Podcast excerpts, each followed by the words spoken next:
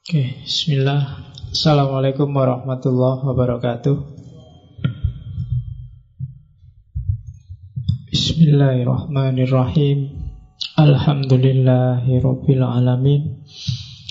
Alhamdulillahi nahmaduhu wa nasta'inuhu wa nastaghfiruh wa na'udzu billahi min syururi anfusina wa min sayyiati a'malina. May yahdihillahu fala mudhillalah wa may yudlilhu fala hadiyalah. Asyhadu an la ilaha illallah wa asyhadu anna Muhammadan abduhu wa rasuluh.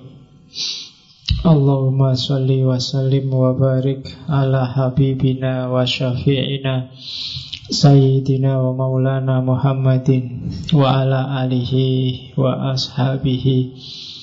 ala kulli manittaba'a huda amma ba'du Bismillah kita bisa melanjutkan lagi ngaji filsafat kita setelah libur sekali minggu lalu. Yes, biasanya mahasiswa itu kan sekali-sekali kosong itu kan senang harusnya. Iya, jadi tidak apa-apa ya. Uh, minggu lalu saya harus ke Purwokerto. Kebetulan yang ngundang juga alumni ngaji filsafat juga. Pernah ikut satu, dua, tiga kali lah setahu saya Terus minta saya ngomong di sana Kebetulan dia dulu waktu ngaji dia S2 Sekarang sudah jadi dosen Universitas Muhammadiyah Purwokerto Ya Kebetulan ngasih jadwalnya kemis pagi jadi tidak mungkin saya berangkatnya harus habis ngaji terus ke sana kan nggak enak. Bisnya sudah habis. Jadi terpaksa harus sore-sore berangkat ke sana dan ngajinya kosong. Alhamdulillah bisa ambil nafas sebentar. Biar kalian nggak jenuh tiap rebu dikasih filsafat. Sekali-sekali kontemplasilah ngajimu tiap malam rebu itu dapat apa sih? Efisien nggak sih untuk hidupmu? Manfaatnya apa? Atau nanti kalau pulang dari sini Tutuplah semua catatanmu Tutuplah semua rekamanmu Tulislah seingatmu, sedapatmu Dari ngaji ini kamu sudah dapat apa saja itu nanti akan lebih meningkatkan gairahmu ngaji atau mungkin malah sudahlah nggak usah ngaji lagi. Tapi ya enggak apa-apa, yang penting kamu sadar.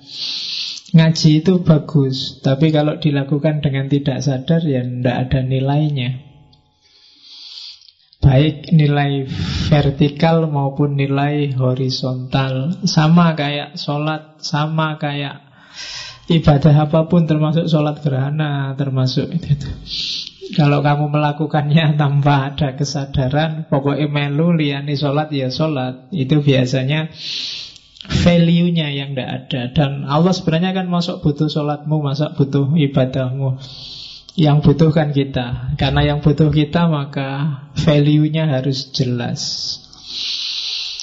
Oke, ada yang sholat gerhana tadi? Banyak ya, campur subuh biasanya. Nah, Ya kan biasanya kamu subuhnya kan jam segitu.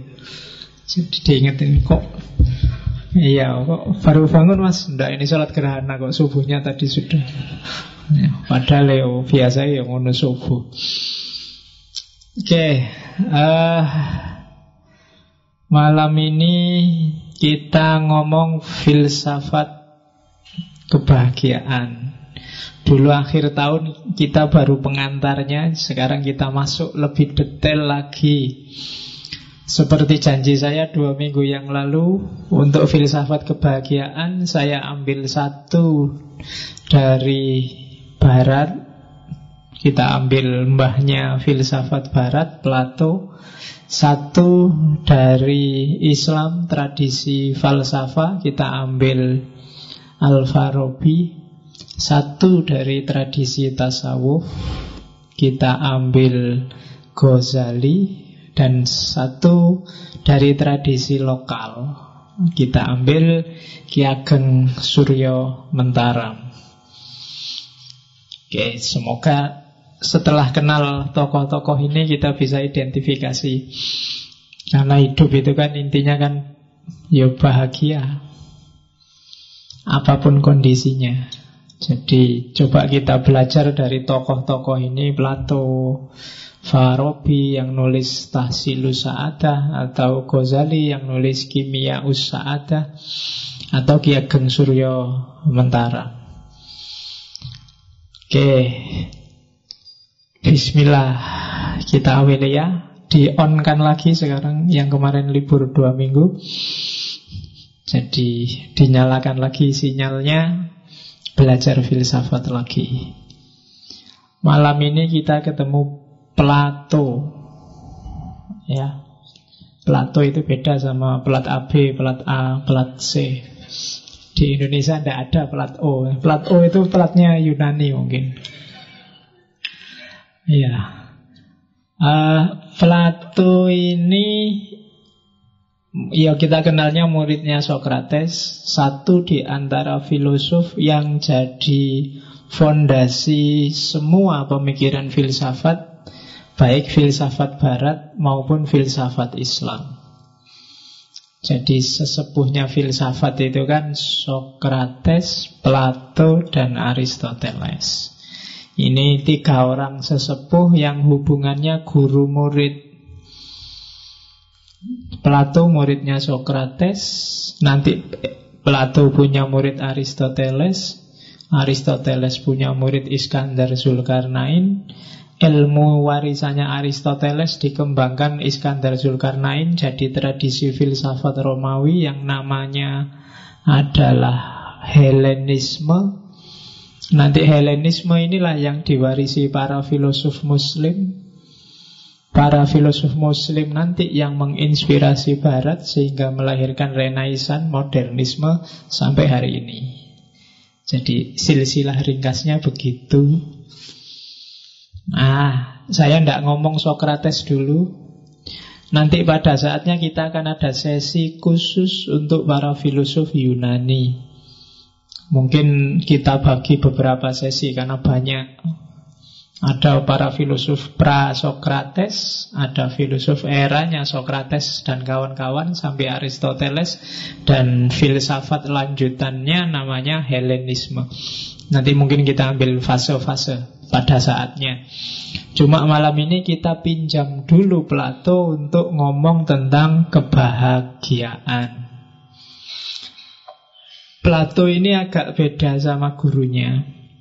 Kalau Socrates itu terkenal jelek wajahnya dan dia ngaku sendiri kalau jelek. Ya, loh, jarang loh orang ngaku saya jelek itu. Setiap orang merasa dirinya cakep. Ya, kalau nggak percaya carilah temenmu yang kamu anggap levelnya di bawahmu. Tetap dia tidak akan ngaku, ndak lah. Kamu kan mesti dia ngerti bagian dirinya yang dia anggap cakep. Tapi kalau Socrates tidak, dia juga ngakui kok wajahnya jelek. Atau mungkin kalian ngaku saya nggak terlalu cakep pak, tapi kan manis, gitu. Iya, itu alasan itu. Iya, biasanya gitu. Tapi kalau Socrates ngaku, cuma bagi Socrates kan cakepnya wajah itu tidak penting dan nanti diwarisi oleh Plato.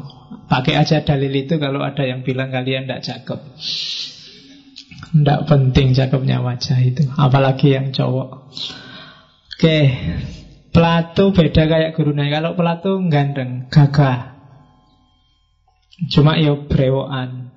Jadi kayak Socrates juga brewoan. Orang barat dulu kan kejantanan itu kan lambangnya memang punya jambang brewoan tebal. Jadi enggak enggak hanya kelompok Salafi yang punya jenggot, filosof juga banyak yang punya jenggot. Jadi kalian jenggot itu bisa ikut sunahnya Nabi, bisa ikut sunahnya Socrates dan Karl Marx. Jadi kalian tidak harus ya tidak harus sangat kagum dengan jenggot biasa aja. Banyak peradaban, banyak tradisi yang juga memanjangkan jenggot.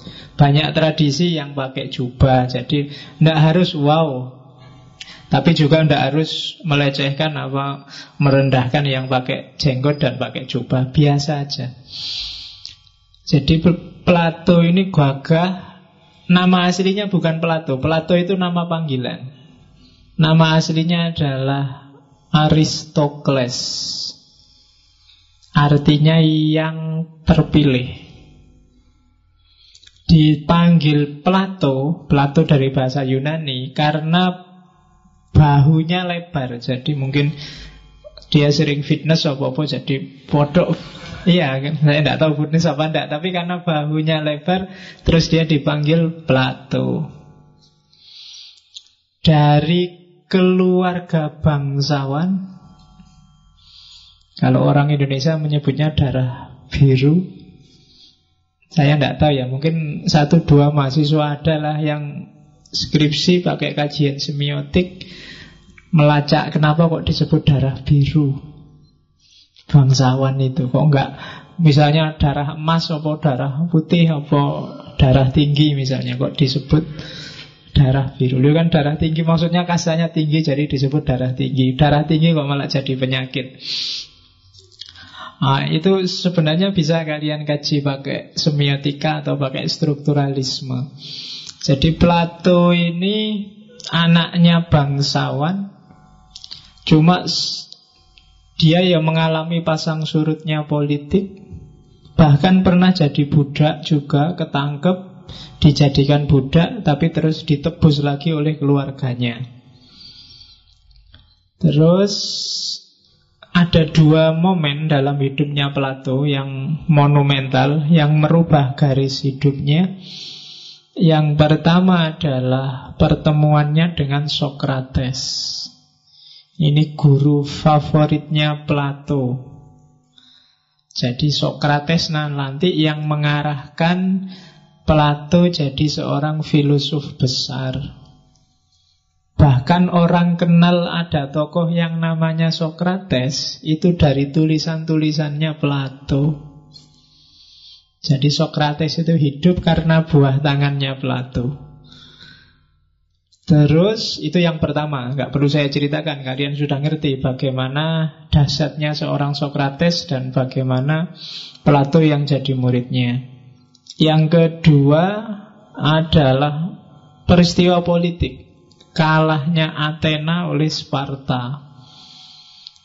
Itu yang kemudian itu kan transisi dari monarki terus jadi oligarki, eh awalnya demokrasi, terus jadi oligarki, terus terakhir balik lagi ke demokrasi tapi yang tidak sempurna.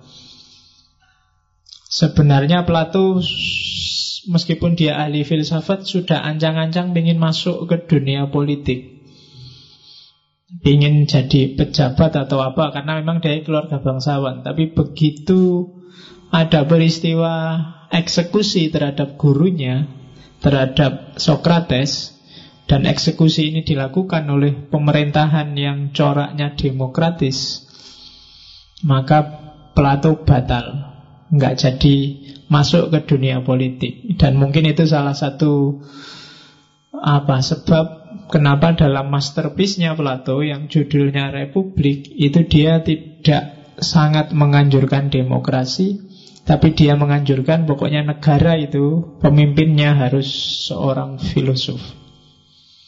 King philosopher, raja filosof. Jadi makanya kalian ngaji filsafat berarti ngaji gimana caranya untuk jadi presiden. Karena kata Plato yang layak jadi raja, jadi presiden itu harus orang yang punya karakter filosof. Jangan yang punya karakter petani, pedagang, bahkan prajurit juga jangan. Carilah presiden yang filosof. Maka negara akan beres. Tapi filosof yang sejati ya, bukan filosof-filosofan. Karena sekarang banyak filosof-filosofan Si meni iso mikir sidik Pokoknya wani debat yo ayo kan gitu Oke dan itu dalam sejarahnya Plato Akhirnya dia menarik diri dari dunia politik Setelah gurunya dieksekusi Dia kecewa luar biasa Kemudian dia mengembara Kurang lebih 12 tahun Sama kayak Ghazali Ketika dia kecewa dengan dirinya sendiri terus mengembara juga 11-12 tahun. Nah, saya tidak tahu. Mungkin ada rahasia. Kenapa kok nyepi mengembara cari ilmu itu sampai 12 tahun? Kalau di Indonesia kan 12 tahun itu baru SD, SMP, SMA wajib belajar. Tapi kalau para, kalau Plato 12 tahun itu ke mana-mana dan bahkan dia diceritakan sempat belajar mistik dan agama timur di Mesir. Maka pikiran-pikirannya sangat berbau kalau disambungkan sama agama itu sangat relevan, sangat nyambung. Beda sama Aristoteles. Kalau Aristoteles itu lebih relevan kalau disambungkan kelompok ilmuwan. Ada tesis yang menyatakan kenapa Islam abad tengah itu jaya dan Kristen meskipun banyak filosofnya itu cenderung zaman itu disebut abad kegelapan karena sibuk dengan agama. Ada yang bilang karena Islam zaman itu mewarisi Aristoteles, sementara para filosof Kristen abad tengah lebih banyak mewarisi gayanya Plato yang neoplatonik. Apa ya kayak gitu ya kamu buktikan sendiri nanti jadi inskripsi apa tesis. Oke, jadi dia mengembara hampir 12 tahun Terus sempat dijadiin penasehat raja. Jadi dia ini punya teman namanya Dion. Dion ini punya sepupu namanya Dionysus. Dionysus ini raja yang masih muda, keponaannya Dion. Nah, Dion ini manggil Plato, tolong ponaanku ini diajari biar dia jadi raja filosof yang sejati. Tapi ternyata setelah beberapa saat dilatih malah Dionysius ini curiga sama Dion dan Plato akhirnya pamannya sendiri dipenjarakan dan Plato dihukum tahanan rumah dan kesempatan dihukum tahanan rumah sebenarnya nggak masalah karena dengan itu Plato bisa ngajar lagi di akademinya. Yang paling terkenal dari Plato yang monumental itu akademia, universitas pertama dalam sejarah manusia. Akademia ini berlangsung lama sampai zaman Romawi tapi kemudian ditutup, dibubarkan karena khawatir merusak iman Kristen zaman itu. Itu akademia. Plato nggak nikah, jadi nggak punya anak. Akademia dilanjutkan oleh keponaannya. Jadi mungkin karena dia asik berfilsafat, sudah enjoy dengan filsafat dan ilmunya, jadi tidak tahu kalau ada yang lebih nikmat dari itu. Akhirnya nggak nikah. Atau jangan-jangan kalau dia nikah tidak sebesar itu pikiran-pikirannya. Ya, saya tidak tahu. Cuma kamu tidak usah niru yang nggak nikahnya. Ya. Oke. Oke, yang paling terkenal dari Plato adalah gagasannya tentang idea.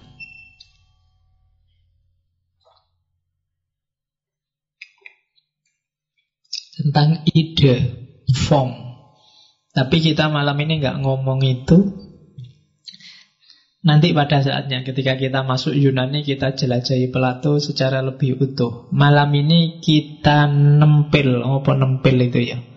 Kita Enggak, nyuwil dikit itu bahasa Indonesia ini apa? Kita nyuplek. Nah, iya. Kayak orang masak nasi itu biasanya kan saking laparnya terus dicuplek dikit ah. Nanti nggak mateng juga ndak apa-apa, yang penting kenyang. Nah, kita cuplek dikit malam ini tentang yang namanya kebahagiaan. Oke, pikiran-pikiran Plato ndak terlalu sukar dipahami, yang biasanya sukar dipahami adalah bahasanya. Karena kalian kan harus terpaksa bahasa Inggris paling dah dan itu berat. Paling adanya terjemahan dan terjemahannya itu juga ya. Kalau yang terjemah nggak ngerti filsafat juga pening.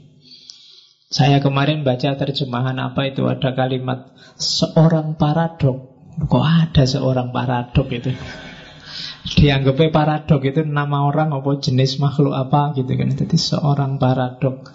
Ising nerjemah orang ngerti. Oke, Bismillah. Kita belajar malam ini kebahagiaan. Sebelum masuk ke kebahagiaan, kita harus ngerti apa yang ada di kepalanya Plato tentang manusia. Pandangan Plato tentang manusia itu jenis yang sering disebut orang sebagai esensialisme. Bahwa manusia itu punya esensi, Esensinya apa? Jiwa. Ya, bedakan nanti dengan lawan pemikirannya yang disebut eksistensialisme. Jadi katanya Plato, manusia itu hakikatnya adalah jiwanya. Badan ini hanya manifestasi dari jiwa. Maka jangan terlalu percaya dengan badan. Badan bisa keliru, bisa menipu. Karena hakikatnya ada di jiwa. Kalau kamu sedang mangkel terus merengut. Nah, merengut itu kan ekspresi dari jiwamu yang sedang mangkel. Kalau kamu sedang seneng terus senyum. Nah, senyum ini ekspresi dari jiwamu yang sedang seneng. Cuma jangan kejebak dengan senyum dan merengutnya. Ada kalanya orang senyum tapi tidak seneng. Ada kan senyum sinis misalnya. Hah, kan itu kan kaya senyum tapi manggeli. Ada yang mencucu juga bukan karena mangkel tapi karena sakit gigi misalnya. Jadi badan itu tidak bisa dijadikan pedoman. Dia hanya tanda dari jiwa. Sama-sama senyumnya, tapi kan kuncinya ada di jiwa. Ini senyum seneng, senyum sinis, atau ya memang bentuk mulutnya selalu senyum. Jadi dia hanya sign, hanya tanda dari gejala jiwa. Lah terus apa sih jiwa itu? Kalau bagi Plato ya jangan ditanyakan apa. Karena dia bukan apa juga bukan sesuatu. Jadi kamu nggak bisa megang makhluk yang namanya jiwa. Nanti kalau di bukunya Plato Politeia itu jiwa itu bukan sesuatu tapi dia gerak aktivitas ini yang rotok rumit. Aktivitasnya ada tapi sesuatunya tidak ada. Itu jiwa. Jadi sesuatu yang bergerak, menggerakkan dirinya sendiri dan termanifestasikan lewat badan. Kalau istilahnya, kalau pakai bahasa istilahnya biasanya dipakai autokineton. Autokineton itu dia gerak dengan sendirinya. Tidak ada yang nyetir karena dialah yang nyetir badan. Jadi sopir itu kan nggak ada yang nyupiri. Dia nyupiri dirinya sendiri. Itulah jiwa. Kayak mobil ya. Mobil itu kan ada supirnya. Kamu kan nggak bisa tanya, loh, yang nyupiri supir siapa? Ya enggak, dia nyupiri dirinya sendiri. Dan mobilnya itu badannya. Jadi itu yang dimaksud gerak autokineton. Dia tidak ada yang nyupiri karena dia sendiri adalah supir. Ya kan tidak bisa kayak sebab ada sebab ada akibat, ada yang nyupir, ada yang disupiri supir ini ada yang nyupir lagi kan nggak ada. Masuk supir siapa yang nyupir supir? Jeragani supir misalnya ya nggak bisa. Nyupir dia nyupir dirinya sendiri menggerakkan dirinya sendiri. Autokineton. Dan semua kompleksitas gerakan internal manusia itulah aktivitasnya jiwa jadi dalangnya, sopirnya hidupmu itu jiwamu. Kamu seneng, sedih, puyeng, pening, bingung, tidak jelas itu kan semua aktivitas jiwamu. Jadi kompleksitas semua gerakan internal. Biasanya manifestasinya ada di jasad, ada di tubuh.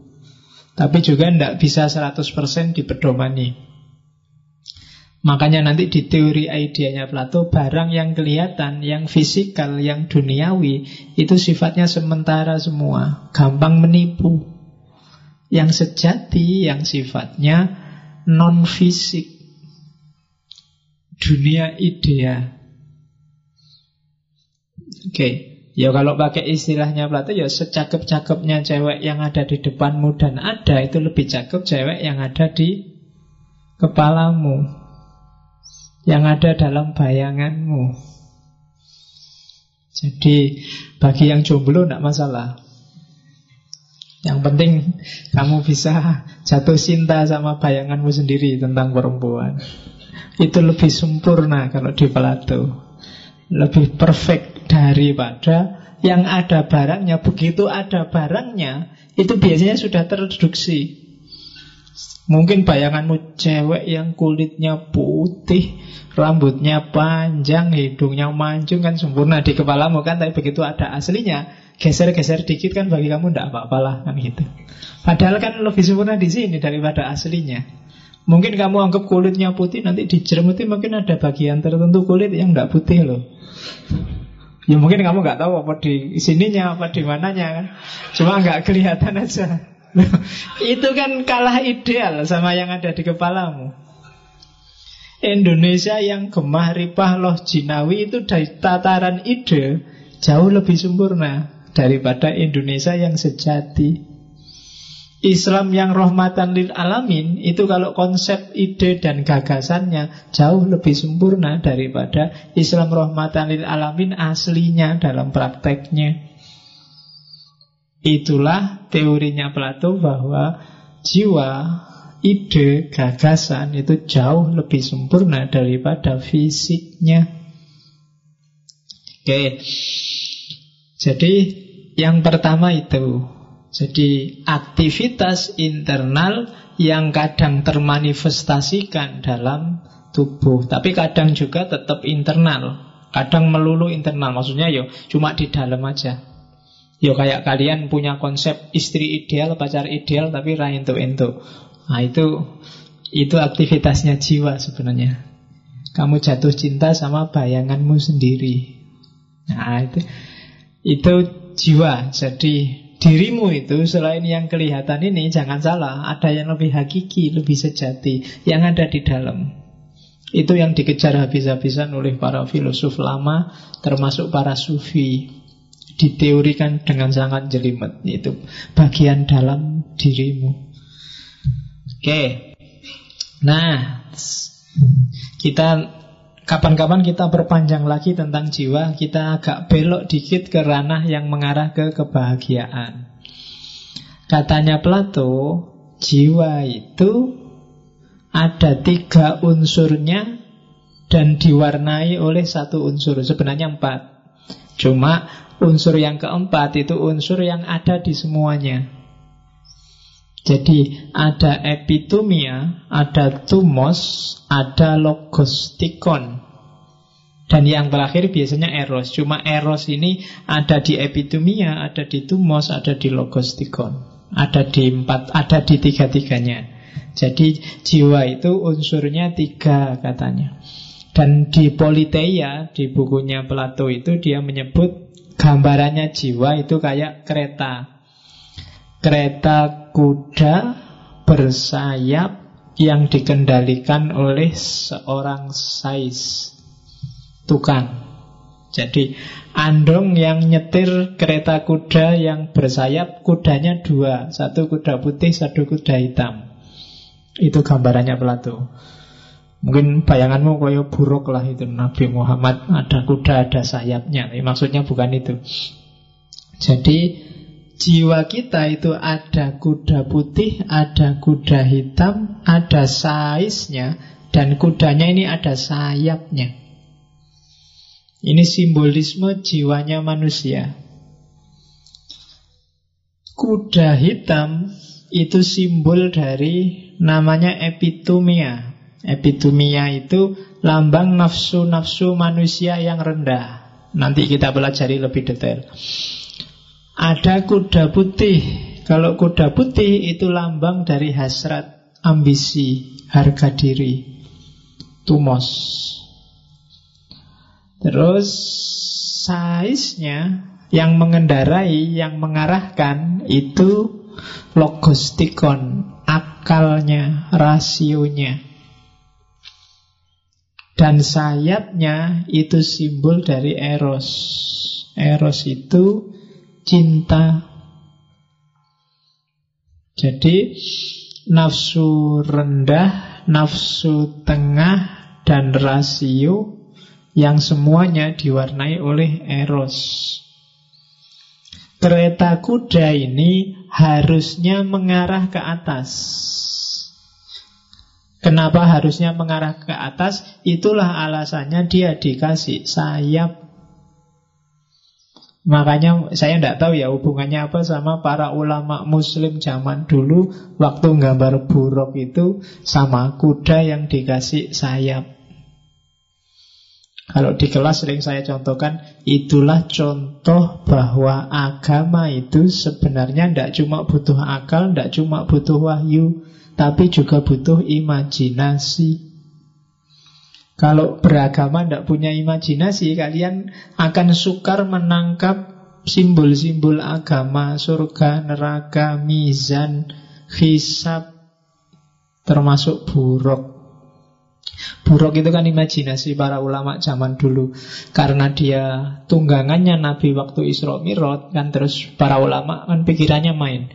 Tunggangan Nabi zaman itu Kalau ndak kuda ya onta Gak mungkin kan naik tiger atau ninja Jadi ya kan zaman itu Arab abad ke-6 Cuma katanya dia dari Masjidil Haram ke Masjidil Aqsa. Wah, berarti yo cepet dia semalam nyampe Masjidil Aqsa. Nah, antara kuda sama unta yo lebih cepat kuda. Wah, berarti buruk itu kuda. Kan itu imajinasi yang main. Terus tapi nggak cuma sampai Masjidil Aqsa, dia bisa mi'raj naik sampai ke langit. Wah, susah lagi nih. Kuda kan di darat. Kalau bisa naik ke atas yang bisa itu burung. Imajinasi main lagi. Oh kalau gitu kudanya dikasih sayap deh. Jadilah kuda ada sayapnya. Tapi terus ada hadis yang bilang buruk itu sejenis bidadari. Wah kalau bidadari mestinya cakep. Sak cakep-cakepnya kuda. ya kan? Levelnya paling segitu-gitu aja. Tidak ada. Masa bidadari wajahnya kayak kuda kan nggak mungkin. Itu kan yang bikin terus oleh para ulama kepalanya dipotong, digantilah wanita cantik. Makanya coba cari di kitab-kitab klasik itu buruk mesti kuda ada sayapnya, kepalanya wanita cantik. Itu daya imajinasi yang luar biasa. Kadang-kadang untuk menggambarkan bahwa ini dari surga, kepalanya dikasih mahkota. Karena bayangannya surga itu bangunannya kayak istana, jadi penghuninya pakai mahkota kayak di istana. Jadi itulah imajinasi. Dan dengan imajinasinya Plato menggambarkan kondisi jiwa Jadi jiwa itu kayak kereta kuda yang punya sayap Kenapa punya sayap? Karena dia geraknya harus vertikal Jiwa itu geraknya harus naik dia harus selalu naik kelas menuju ke ranah dewa-dewa. Ya kalau bahasa Islam berarti jiwa itu coraknya harus ilahi, tidak boleh materi. Kalau jiwa terjebak di materi, dia tidak akan ketemu kesejatian dirinya sendiri. Maka dia harus naik ke atas. Cuma kadang-kadang kereta yang ada sayapnya yang harusnya naik ke atas ini tidak bisa naik, bulat aja di bawah. Kenapa? Koordinasinya nggak bagus antara sais, kuda, dan akhirnya sayapnya juga nggak kepake.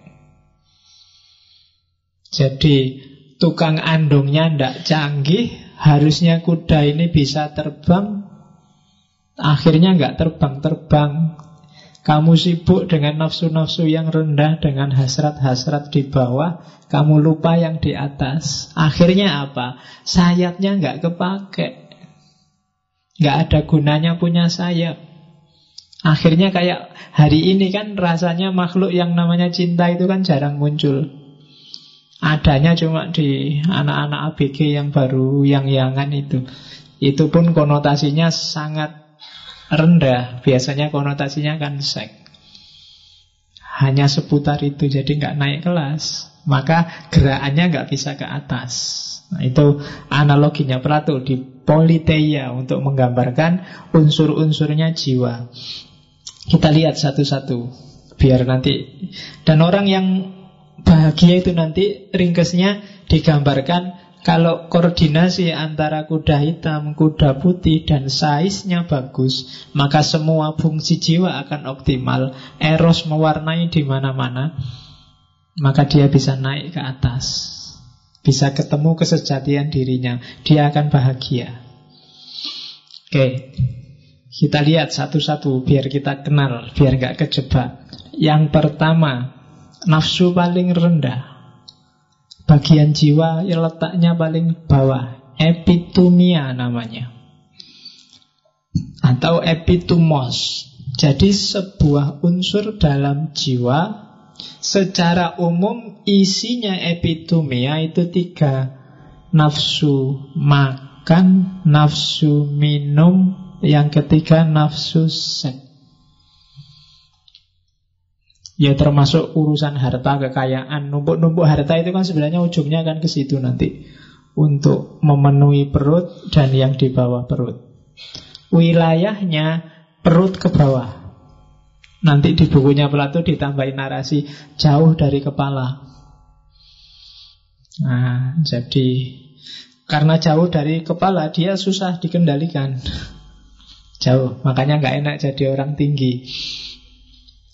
Semakin jauh anu yang antara yang atas bawah. Kalau saya kayak saya kan dekat, jadi masih ngontrolnya enak, gampang. Kalau Kalian yang tinggi susah ngontrolnya. Ya, size-nya kan kepala nanti.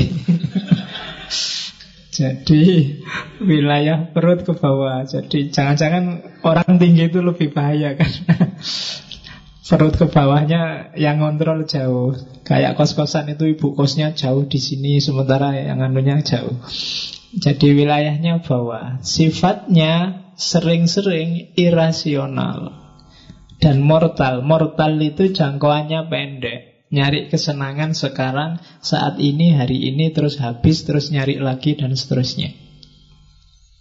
Biasanya irasional. Orang itu kalau sudah dipepet oleh nafsu untuk perut ke bawah itu, apakah itu makan, minum, atau seks, itu biasanya akalnya nggak jalan sudah.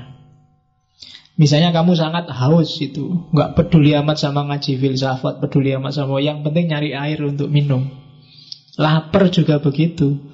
Semakin panjang ngajinya kamu semakin merengut Iki urung maam ngaji suwi men Tidak bisa jalan semuanya Sudah irasional Meskipun kiaimu ceramah ini penting Masuk surga Kalau tidak gitu malaikat marah Tidak peduli Yang penting makan beres Termasuk seks Ya, ya saya tidak tahu kalian mungkin belum ngalami atau sering ngalami tapi dialokasikan untuk hal yang lain. Nah itu kan juga kalau sudah kepepet itu ya sudah. Makanya kan kemarin yang belajar Sigmund Freud itu kan manusia itu bulat kayak apa ya nanti muaranya di situ, ujungnya ke situ. Jadi hasrat ambisi dan wilayah nafsu yang sangat sukar ditunjukkan ditundukkan oleh rasio ini epitomia ini. Jadi dia susah sekali dikendalikan. Begitu dia tidak terpenuhi, maka rasio tidak berdaya sudah. Jadi hati-hati. Ini kelihatan simpel tapi hati-hati. Begitu tidak terpenuhi, pikiranmu mesti buntu. Tidak operatif lagi Ras, Rasiomu tidak akan jalan Maka ini nafsu yang jangan dibunuh Kalau dibunuh Gawat Tidak makan, tidak minum, tidak seks itu Kiamat sudah Jadi nafsu bawah Simbolnya kalau saya baca bukunya Plato 3 Itu simbolnya beda-beda Ya kalau Yang kuda hitam itu adanya di Paido atau Paidros. Di bukunya Gorgias dia ngasih simbol epitumia itu anu gentong bahasaku jane, gentong bocor. Ya, kayak ember yang bocor. Ember bocor itu kan diisi berapapun dia tidak akan penuh. Kalau di Jawa itu ini kan gelarnya Petro. Petro kantong bolong. Kantong itu kalau bolong dikasih apa saja sebanyak apa pun uang tidak akan cukup, tidak akan puas. Itu simbolnya hasrat atau hidra. Hidra itu binatang yang kepalanya banyak.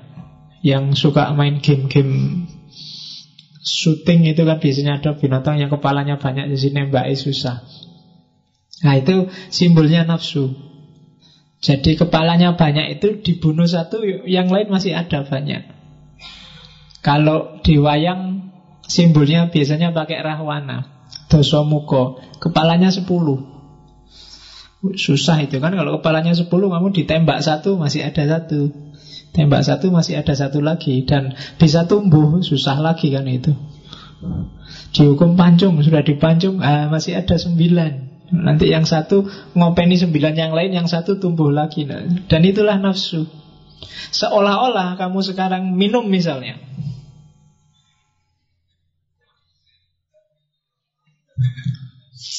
Alhamdulillah. Seolah-olah sudah, mau sudah Alhamdulillah. Tapi nanti ingin minum lagi. Itu nafsu. Jadi makan juga gitu kan. Ingin makan, lapar lagi, makan lagi. Tidak ada habisnya. Jadi kalau pikiranmu hanya seputar makan, minum, dan seks, waktumu habis, hidupmu tidak berkualitas. Makanya jangan sampai kamu punya moto hidup untuk makan atau hidup untuk seks. Eman-eman, hidupmu tidak berkualitas. Ini pokoknya kamu turuti aja kalau haus ya minum, kalau lapar ya makan, kalau pingin itu ya dilakoni kalau sudah kawin, kalau belum ya ke kamar mandi. Lo kenapa? Eh, oh enggak. Lo maksudnya ke kamar mandi wudhu sholat. Mbak anggap Lah ya emangnya ngapain di kamar mandi? Iya. Oke. Jadi sudah, kalau sudah ya tidak usah dipikir Itu barang yang insting kok. Tidak usah dipikir dalam-dalam. Kamu nggak usah mikir, wah besok gimana ya Kalau saya kawin enaknya gaya apa? Tidak usah. Itu insting wis iso, iso nggak usah khawatir. Ya kamu tidak usah terlalu banyak. Kan kamu sekarang gaya kadang-kadang download. Kamu kok download film gitu-gitu Nyari referensi pak Biar Biar nggak salah ya Masuk nulis makalah kan butuh footnote pak. Nanti kalau nggak ada footnote-nya Nggak dianggap valid. Nggak usah itu insting. Jadi Itu kantong bolong Itu gendong bocor. Jadi Nggak usah dipikir. Jalani aja Penuhi Sesuai batasnya. Jangan berlebihan. Nah, Nanti Plato punya rumus tentang itu. Tapi yang jelas ini nafsu paling rendah Sumbernya apa sih nafsu itu? Orang sering menyebut nafsu ini nafsu badani, nafsu jasmania. Sebenarnya enggak. Badan itu hanya simbol dari jiwa seperti tadi. Dia hanya tanda dari jiwa. Jadi sumbernya bukan badan, tetap jiwa. Hasratmu ingin makan terus menerus, minum terus menerus, seks terus menerus itu ada di dalam, tidak di luar. Kalau yang di luar itu tergantung perintah yang di dalam kok.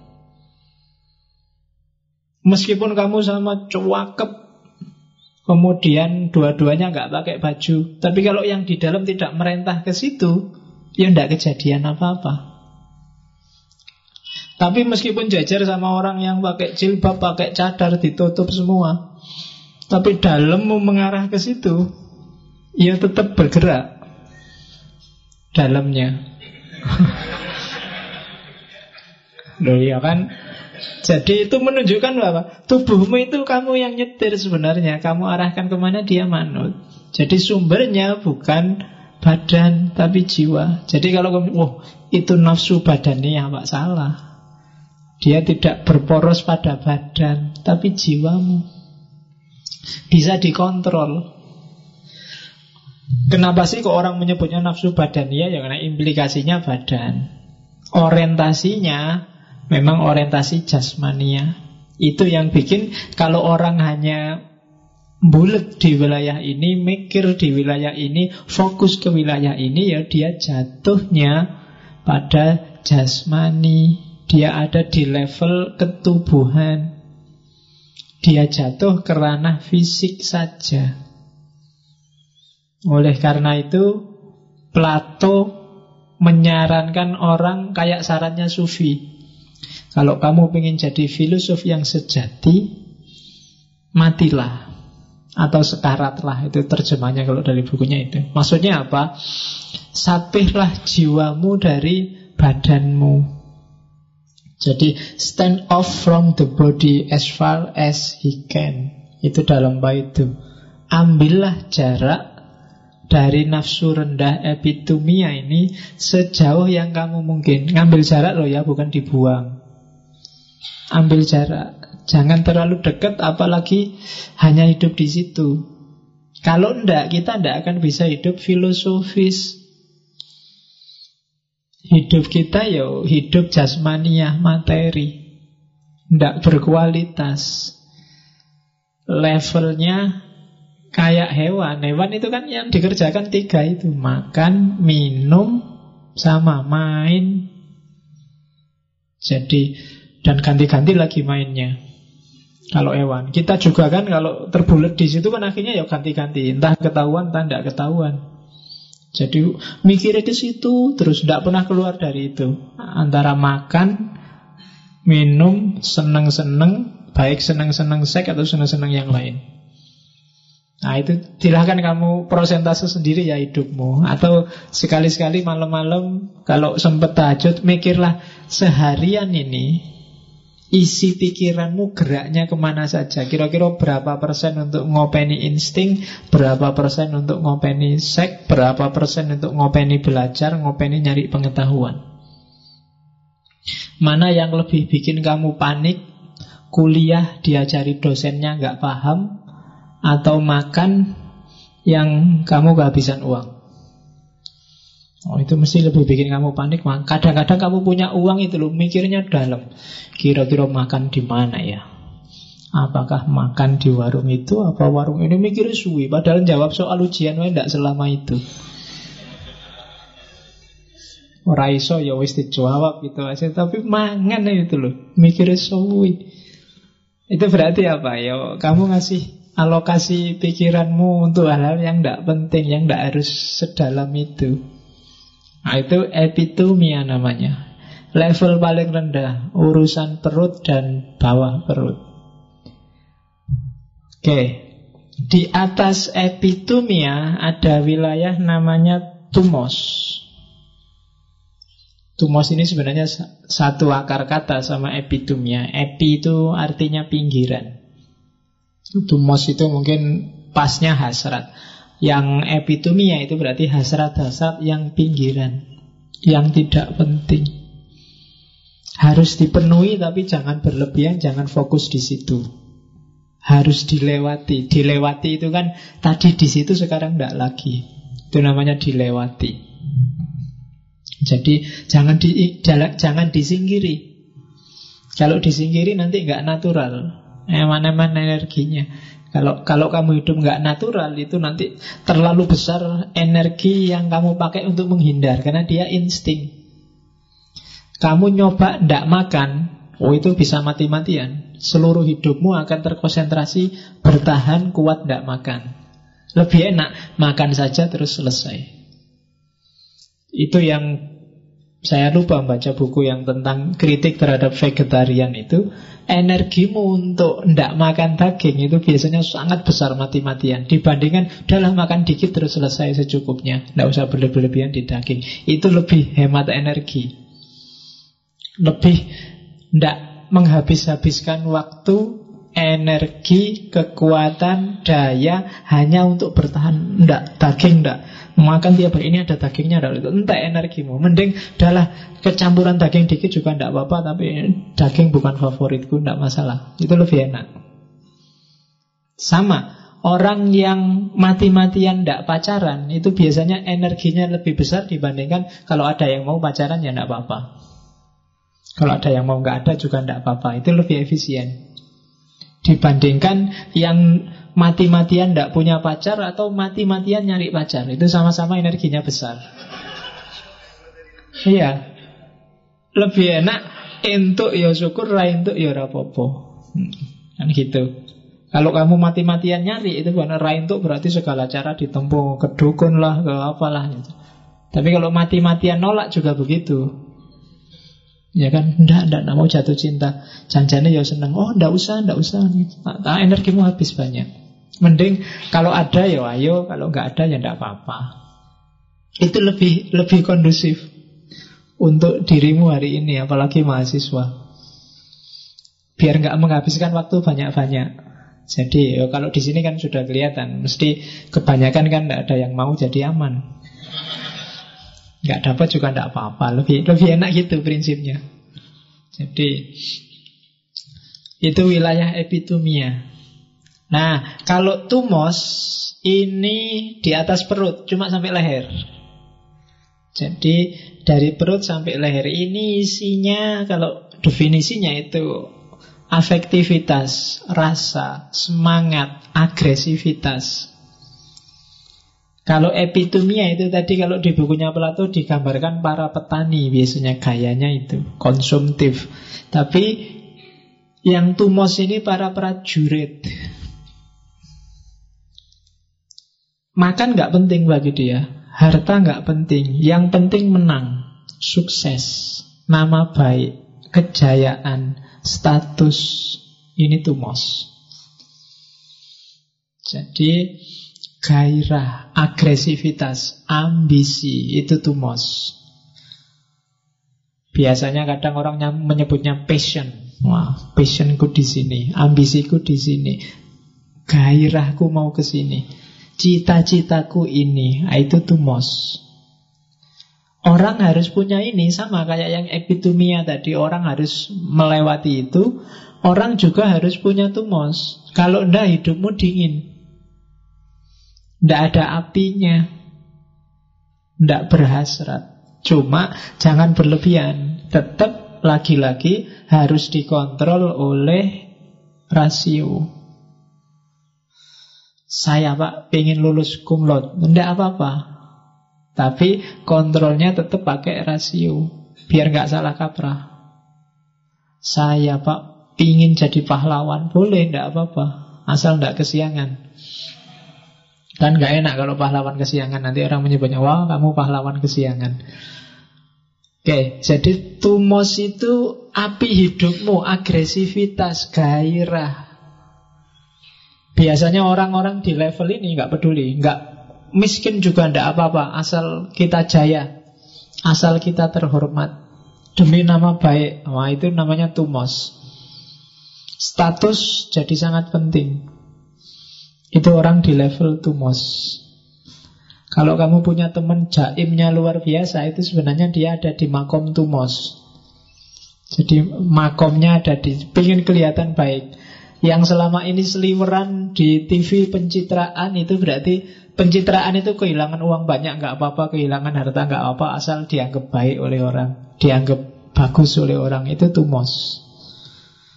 Jadi makomnya makom ranking 2 di atas epitumia. Boleh-boleh saja, cuma dia harus dikontrol oleh rasio. Kalau enggak nanti konyol. Dermawan sih dermawan, ingin bantu orang, tapi kalau semua hartanya dikasih itu konyol. Ya harus dikalkulasi. Nanti sodakoh pak, saya ikhlas pak, semua yang ada di dompet tak sodakohkan. Nanti pulang naik apa? Besok makan apa? Itu namanya konyol. Maka rasio juga tetap harus main. Sekarang kamu jadi penyumbang, jangan-jangan besok kamu jadi orang yang disumbang. Ya kan? Itu namanya bunuh diri, itu namanya konyol. Tumos, dia ingin nyari status sebagai dermawan. Pak saya ingin dianggap anak soleh Pak Ya terus setiap hari puasa Senin Kemis Saya puasa Daud aja sekalian Pak Sehari puasa sehari enggak Dapat seminggu terus hari minggunya dibawa ke rumah sakit akhirnya. Ya kan? Nah, harus harus harus dihitung kalkulasi. Harus pakai pertimbangan akal. Maka rajanya harus akal. Ukurlah kekuatanmu sendiri, ukurlah kapasitasmu. Jangan konyol. Saya pak membela mati-matian Palestina Kalau bisa saya mau perang sekalian ke Iran sana Mau perang sekalian melawan Israel Ya diukur kekuatanmu Kamu nongkrong di depan masjid masuk angin Mau ikut perang Ya kan? Kekuatanmu berapa mau ikut perang di sana? Dan saya dulu pernah ke Iran itu Ada yang cerita zaman perang Irak-Iran itu mantan pejuangnya sana itu kalau perang itu dia bisa tiga hari tiga malam hanya menelungkup di atas padang pasir. Karena begitu dia kepalanya dongak dikit sambar peluru. Jadi? makannya makan pasir jadi kalau sudah kepepet pasir bisa dimakan. Lah itu kamu mau perang ke sana. Bisanya apa? Jangan-jangan tiap malam minta keroan, minta pijet, minta Ya kan, tidak nyambung. Ya diukur kapasitasnya lah. Nah, ya kalau memang nggak bisa perang ya sumbanglah dengan yang kamu bisa. Apa? Nyumbang uang nyumbang. Nah itu hasratmu untuk termasuk ke Palestina itu namanya tumos jadi ya ada juga termasuk tumos itu ngapain demi nama baik demi nama besar. Wah, nanti ya, kalau kalian pakai ini saya, PowerPoint saya, namaku jangan dibuang ya, sebut ke mana-mana. Ini karyanya Pak Faiz ya. Wah itu nama baik itu tuh mos. Jadi status nama baik tidak penting sebenarnya, cuma dibela-belain. Apalagi ketika kontrol rasio tidak ikut main, wah itu masalah sudah.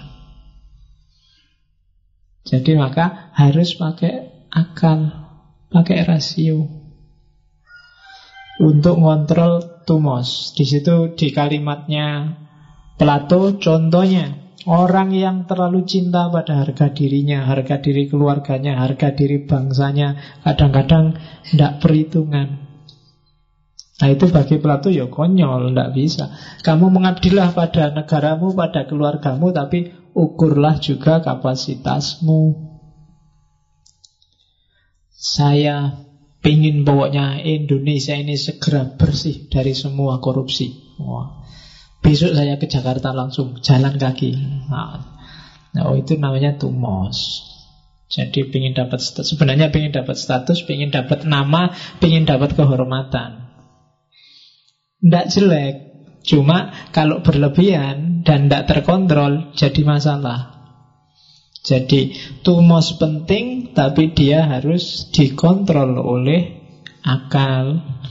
Nah, yang paling penting ini kepala logistikon atau logostikon. Jadi logostikon itu rasio akal mikir. Dia harus jadi rajanya. Dia harus jadi saiznya. Dalam hal apa pun. Bahkan termasuk agama. Beragama itu yang paling penting menurut saya beragamalah secara cerdas. Jadi tetap dikontrol oleh pikiranmu. Jangan beragama dengan mengosongkan pikiran Apalagi hari ini Nanti kamu bisa dimakan oleh ideologi-ideologi yang tidak jelas itu. Boleh kamu ikut ideologi apa pun asal sudah masuk lewat size-nya hidupmu yaitu rasio. Logosmu harus main. Jadi ini wilayahnya kepala. Jadi leher ke atas. Jadi sopirnya tetap harus di sini. Makanya nanti saya tidak tahu Ghazali pernah baca Plato apa enggak Dia ngomong negara itu ya kayak tubuhnya manusia Siapa yang bagian hati, siapa yang bagian perut, siapa yang bagian kepala Nah, maka kenapa raja itu harus filosof, presiden itu harus filosof? Karena filosof lah hakikatnya kepala. Dia yang ngatur, Dia yang ngontrol. Jadi raja nggak harus ikut jalan-jalan ke bawah, kerja di bawah, enggak, enggak harus. Dia tugasnya ngontrol, ngukur kekuatannya terus ngontrol sampai ke bawah. Dia dia tidak harus ikut kerja karena tugasnya tangan aja sendiri, tugasnya kaki ada sendiri, tugasnya hati ada sendiri, tugasnya perut ada sendiri. Yang mengendalikan kepala, akal. Jadi logos harus nomor satu. Size-nya tadi. Sebagus apa pun kereta, kalau size-nya tidak beres, ya tidak beres. Secanggih apa pun fasilitasmu, kalau akalnya nggak jalan, ya hidupmu kacau balau. Arahnya nggak jadi ke atas, tapi mungkin nabrak kiri, nabrak kanan. Nah, itu logos nggak saya jelasin panjang. Kita ngaji filsafat ini hakikatnya adalah melatih kepala, melatih logos. Karena dia kuncinya hidup kita. Nah, Terus yang bikin jiwa bisa terbang adalah eros. Jadi eros ini agak beda sama filia, filos, filosofia. Jadi kalau eros ini ada hasrat ikut main. Jadi ada semacam ambisi, ada semacam keinginan. Eros ini yang mewarnai di tiga jenis bagian jiwa yang atas epitumia, tumos, dan logostikon.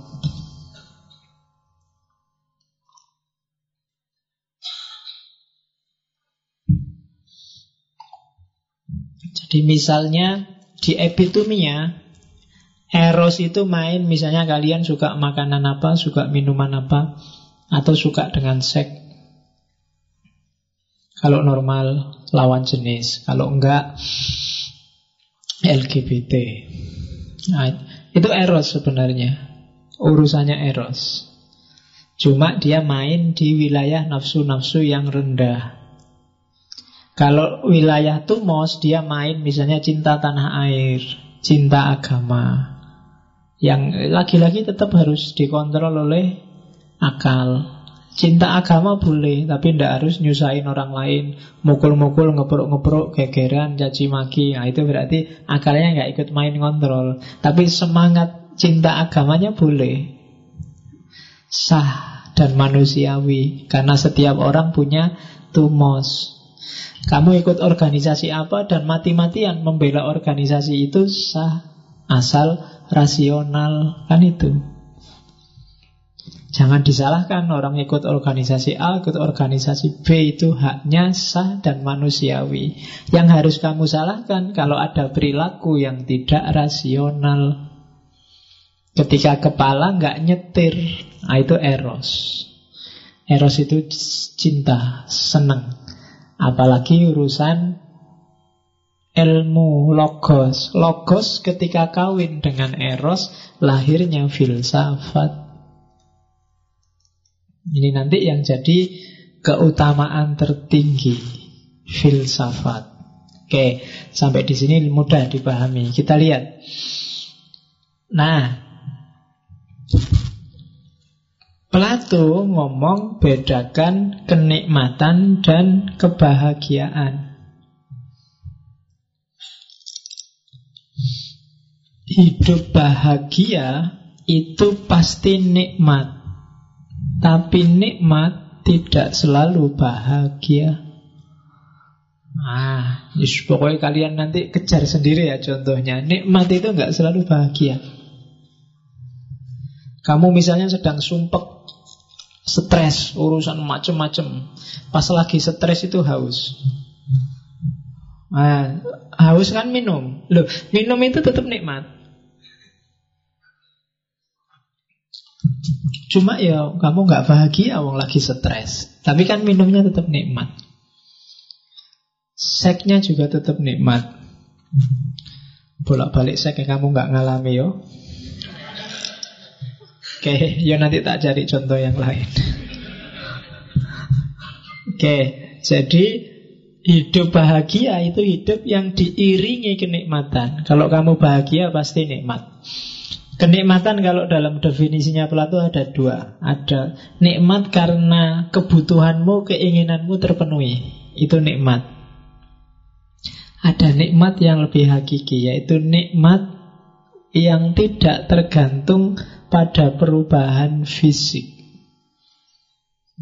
Ini biasanya lebih lama, lebih abadi. Jadi ketika kamu merasa nikmat karena minuman, ini kan nikmatnya tergantung pada adanya minuman. Ketika kamu nikmat karena makanan, nikmatnya tergantung pada adanya makanan. Ketika kamu nikmat karena seks, nik, seks lagi. Ya memang itu wilayah piye Berarti kamu tergantung pada adanya pasangan, adanya bawah perutmu yang sehat. Tergantung pada yang fisik.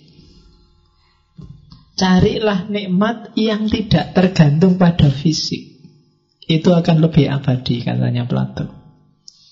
Contohnya apa? Nikmatnya ilmu, nikmatnya pengetahuan. Itu nggak tergantung fisik. Kamu mempelajari sesuatu terus paham. Wah, itu ternyata yang dimaksud. Itu nikmat dan gak tergantung fisik. Meskipun kamu sedang lapar, sedang haus, tetap dia tidak berpengaruh. Beda sama yang tergantung fisik tadi. Jadi kalau yang tergantung fisik, fisiknya harus ada dulu baru kamu merasa nikmat. Tapi kayak pengetahuan itu kan gak butuh yang di luar dirimu, yang dibutuhkan cuma dirimu aja. Yang dibutuhkan cuma jiwamu aja. Seks butuh pasangan, makan butuh makanan, minum butuh minuman, tapi pengetahuan nggak butuh. Cuma asal kamu sehat akalmu, jiwamu beres, jalan. Nah, yang tidak butuh sesuatu di luar dirimu ini lebih lama, lebih abadi nikmatnya. Kamu menikmatinya bisa terus menerus, tapi yang minuman, ya, begitu diminum selesai minum, nikmatnya hilang. Seenak-enaknya makanan, minuman ada batasnya. Kalau nggak percaya, coba aja misalnya makanan yang menurutmu paling enak apa? Rokok misalnya Pak. Saya paling senang itu ngerokok. Tapi kan tetap ada batasnya. Kamu ngerokok terus ngerokok juga nggak enak. Mesti harus ngerokok terus nggak ngerokok. Terus ngerokok lagi kan gitu. Harus ada jedanya. Itu fisik. Syukur-syukur kamu bisa ndak ngerokok tapi rasanya kayak ngerokok. Oh itu lebih lebih abadi. Loh kalau kamu bisa ke sana, kamu tidak butuh rokok lagi, tapi tiap hari pokoknya rasanya uh, kayak ngerokok. Ah, itu lebih abadi. Berarti nggak butuh lagi ketergantungan fisik, ketergantungan yang di luar dirimu. Yo asal ojo ndak bujur rasanya kaya bujur ojo. Kalau kawin harus ya. Oke, terus Hati-hati ya, kenikmatan katanya Plato Ada dua hal yang sering meleset dari kenikmatan Yang pertama, nikmat tanpa refleksi rasional Jadi nikmat Tapi nggak ngukur dirimu. Nggak dipikir. Pokoknya aku haus, ada minuman ya tak minum. Nggak mikir ini minumannya siapa cocok ndak apa ndak tak minum, ini jenis minuman apa, itu berarti cari nikmat tanpa mikir, tanpa menggunakan akalnya. Mumpung aku butuh seks, ada yang nganggur, pakai aja, misalnya ndak iso. Itu mesti nanti hasilnya menyusahkanmu sendiri. Jadi kenikmatan tanpa refleksi rasional itu tidak tepat. Kebalikannya juga tidak tepat. Refleksi rasional tanpa kenikmatan, mikir dok. Mikir kalau aku haus, itu harusnya minum. Minum itu memang hakiki dalam hidup Aiso, raiso. Nah, jadi refleksi aja tanpa kenikmatan. Hidupmu jadi dingin kalau katanya Plato. Tidak, yo mikir, yo nikmat. Jangan kehilangan salah satunya. Oke, ya yang tiga bagian tadi epitumia, tumos, logostikon itu kan ada level kenikmatannya sendiri. Epitumia ya kalau kita harta banyak Eh, salah itu tak kok istri banyak. Menumpuk harta, punya istri, wale. Banyaknya harusnya di harta, bukan di istri. Men Enggak itu Iya itu Enggak sengaja nulis Sebenarnya Jadi menumpuk harta kaya raya maksudnya Terus istrinya cantik kok istrinya banyak Terus Ya enggak itu Nanti yang ngopi slide-nya diganti sendiri ya. Jadi istrinya istrinya cantik, kemudian segala kebutuhannya terpenuhi itu epitomia. Cuma harus tahu batasnya. Tumos juga begitu. Kita punya nama, dihargai orang, status kita di masyarakat bagus, itu tumos. Kalau logos, nah, kita pengetahuan yang kita butuhkan bisa kita dapatkan itu puas. Pingin ngerti apa, ketemu. Pingin paham apa, ketemu. Belajar apa, paham. Itu puas. Itu logos. Nah, katanya Plato di antara tiga kenikmatan itu yang lebih stabil dan murni itu logos. Kenapa stabil dan murni? Karena dua kenikmatan yang lain sifatnya tadi kayak gendong yang bocor. Dia pingin terus. Meskipun sudah terpenuhi Harta itu kan nggak ada akhirnya. Kaya itu batasnya berapa sih? Tidak ada. Orang selalu ingin lebih, ingin lebih. Kalau agama nggak nyuruh maksimal empat Itu orang ya, kalau bisa ya lebih terus, lebih terus. Kalau nggak takut sanksi sosial Mungkin rata-rata cowok lebih satu istrinya. Atau kalau boleh juga cewek Kalau nggak ada aturan ya boleh lah suaminya lebih satu Cuma kan ada aturan macam-macam jadi nggak boleh. Sebenarnya kalau dibebaskan saja nafsu yang epitomia tadi ya sakar dewi ya persis hewan itulah. Bebek itu kan habis main sama situ terus sana ada lagi coba lagi sana. Di sini juga ganti yang lainnya selalu begitu. Kalau manusia dibebaskan mesti begitu juga. Dan itulah nafsu. Makanya kamu jangan marah kalau agama kok ngatur-ngatur Orang berhubungan seks agama kok ngatur-ngatur orang makan. Kalau nggak diatur, orang cenderung nggak ngerti batas. Karena kuncinya kenikmatan di situ itu batas. Seenak-enaknya teh, kalau sak kumbu itu kamu minum semua, jadi nggak enak. Harus ngerti batasnya. Jadi, jadi karena dia tidak abadi, beda sama pengetahuan. Pengetahuan itu memang kalau bisa kamu cari sebanyak-banyaknya. Karena dia stabil. Tidak kayak nafsu. Tidak kayak makan, minum, seks. Jadi Untuk ngerti ini Ngerti takarannya Kapan harus berhenti, kapan harus nambah Ya lagi-lagi rasio yang harus main Ketika rasiomu bisa main, ngontrol kenikmatannya epitumia, tumos, dan logostikon, otomatis kamu akan bahagia. Karena kamu tahu, jadi bahagia itu justru terletak ketika kalian tahu batas.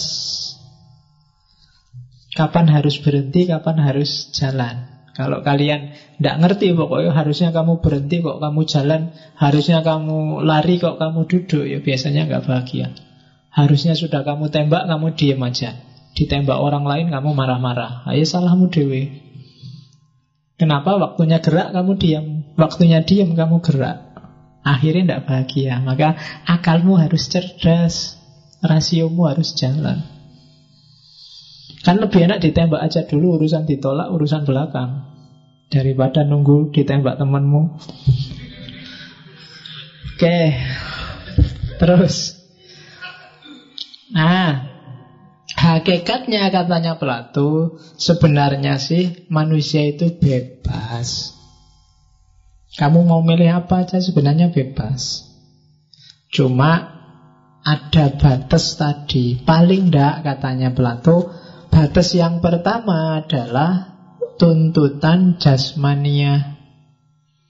Maka ndak usah gaya saya tidak akan makan lagi pak. Saya tidak akan kawin pak. Saya itu namanya gaya. Ya bebas sih kamu milih tidak kawin Kamu milih tidak makan Tapi badanmu Mau nggak mau Dia nuntut untuk dikasih makanan Untuk dikasih minuman. Jadi manusia itu bebas Tapi ketika dia ingin memutuskan sesuatu Banyak hal yang memageri dia Ya tuntutan kalau boleh sih saya pulangnya nggak usah naik motor, kalau bisa terbang lah, enggak iso. Ya tetap butuh motor, butuh mobil, terbang nggak bisa. Kalau bisa ya Pak, saya itu ndak mandi seminggu lah, tapi badan saya ndak bau, ora iso. Itu batas namanya. Kalau bisa Pak, satu bulan ini saya nggak makan biar duitku utuh, ndak bisa. Tetap kamu butuh makan. Jadi sak bebas mau katanya Plato, tuntutan jasmania akan membelenggumu. Karena ini sifatnya natural, alamiah. Gak bisa saya bertekad akan puasa terus-menerus sampai Indonesia bebas korupsi. Ora iso. Nggak mungkin. Jadi ya kayak kamu apa demo yang apa mogok makan itu loh. Paling sak kuat-kuatmu tiga hari. Itu aja sudah lemes nggak karu-karuan. Kadang-kadang mogok makan tapi kan nggak mogok minum pak. Jadi waktunya anu ya minum yang banyak. Minumnya sereal lagi. Iya. ya podo itu namanya nggak mogok makan minumnya sereal. Oke, sama kayak Dulu saya punya teman puasa mutih, cuma waktu dia puasa mutih ya ternyata ya podo waktu buka puasa dia makannya pakai kuahnya soto kan putih, terus tahu, tahu kan putih, terus pakai putihnya telur, ya putih juga, terus makan ayam tapi dagingnya aja kan putih, ya podo wae jenenge ndak poso mutih. Yang penting warnanya putih. Oke, terus itu yang fisik. Hasrat jiwa kan juga nggak bisa. Secanggih-canggihmu pokoknya saya puasa ndak akan kawin Pak Raiso. Itu insting. Dipaksa kayak agama tertentu mungkin iya, tapi ada represi yang luar biasa pemaksaan. Saya bilang tadi energimu habis untuk itu. Mending kawin aja terus mikir yang lain daripada tiap hari kamu mengteng mikir nahan itu. Termasuk yang menurut saya yang sudah punya pacar Pacaran suwi wis kawino wae. Daripada Wah ini pacaran pak. Belum muhrim jadi nggak boleh nyentuh. Tiap hari ketemu nggak boleh nyentuh. Jadi kamu bertahan mati-matian nggak boleh nyentuh. Kalau mau nyentuh action nyebrang jalan dulu. Nyebrang yuk Terus nyebrang Alasannya Alasannya nyebrang jalan. Iya. Oke, ya kan triknya begitu tak kandani. Kayaknya nyebrang terus dicekel tangannya lumayan gitu. Oke, itu hasrat, insting itu sebenarnya. Jadi yo carilah jalan yang jangan dibendung tapi cari jalan yang baik sambil mengukur kapasitas dan kekuatanmu. Tapi di situ kita tidak bebas. Katanya Plato. Jadi kita itu bebas tapi dalam hal tertentu kita ada batas. Nah, dari situ nanti Plato mengkategorikan manusia jadi tiga. Yang pertama, filosofos. Filosofos itu manusia yang diikat, yang gayanya fokusnya pada logos. Dia namanya filosof, filosofos. Ada yang kedua, namanya Filonikon atau Filotimon itu manusia yang sibuk oleh tumos mencitrakan diri, nyari nama, nyari kehormatan, memperjuangkan status. Itu namanya Filonikon. Ada yang ketiga namanya Filokrematon. Ini orang yang nyari seneng, epitumia, nyari harta, nyari istri cantik, suami cakep nyari pokoknya nyari seneng-seneng itu filokrematon. Jadi katanya Plato ya jenis manusia tidak akan lepas dari tiga itu. Ada filosofos, filonikon dan filokrematon. Kamu masuk yang mana ya nanti silahkan kamu muhasabah sendiri. Yang ada di pikiranmu itu yang dominan apa? Urusan makan, minum, seks, harta atau urusan besok mau jadi apa, kerja apa, status di masyarakat apa, punya nama besar apa, nah itu berarti kamu pilonikon. Atau peduli amat dengan harta, peduli amat dengan status. Aku senang dengan pengetahuan, aku senang dengan hikmah, senang dengan logos. Itu berarti senang dengan ilmu, itu berarti kita kategori filosofos. Itu bukan berarti kalau filosofos nggak suka seks, nggak suka makan, nggak suka minum, tapi fokus hidupnya tidak dimakan, minum, seks, dan nama besar tapi di ilmu pengetahuan. Sementara bukan berarti orang yang mengejar harta itu dia tidak punya ilmu atau tidak mau ilmu karena untuk bisa kaya juga butuh ilmu yang tinggi. Tapi fokus hidupnya pada harta, pada makan, minum, seks dan yang sejenis itu. Bukan berarti seks itu tidak butuh ilmu, nggak mungkin kamu bisa mengekspresikan gairahmu ke lawan jenis kalau kamu nggak ngerti triknya, tekniknya, ilmunya. Cuma ilmunya diabdikan pada yang itu-itu tadi.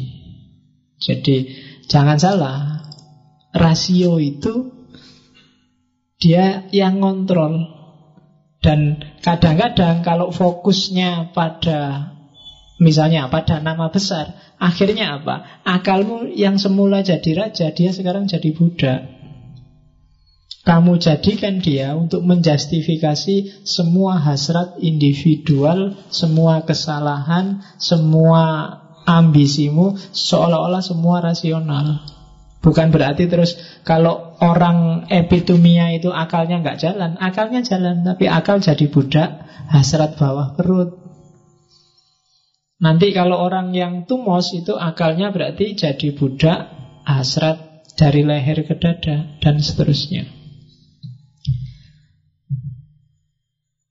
Nah, dari situ nanti lahir teori yang sangat terkenal dari Plato namanya teori keutamaan. Arete. Apa sih arete itu? Keutamaan. Maksudnya apa?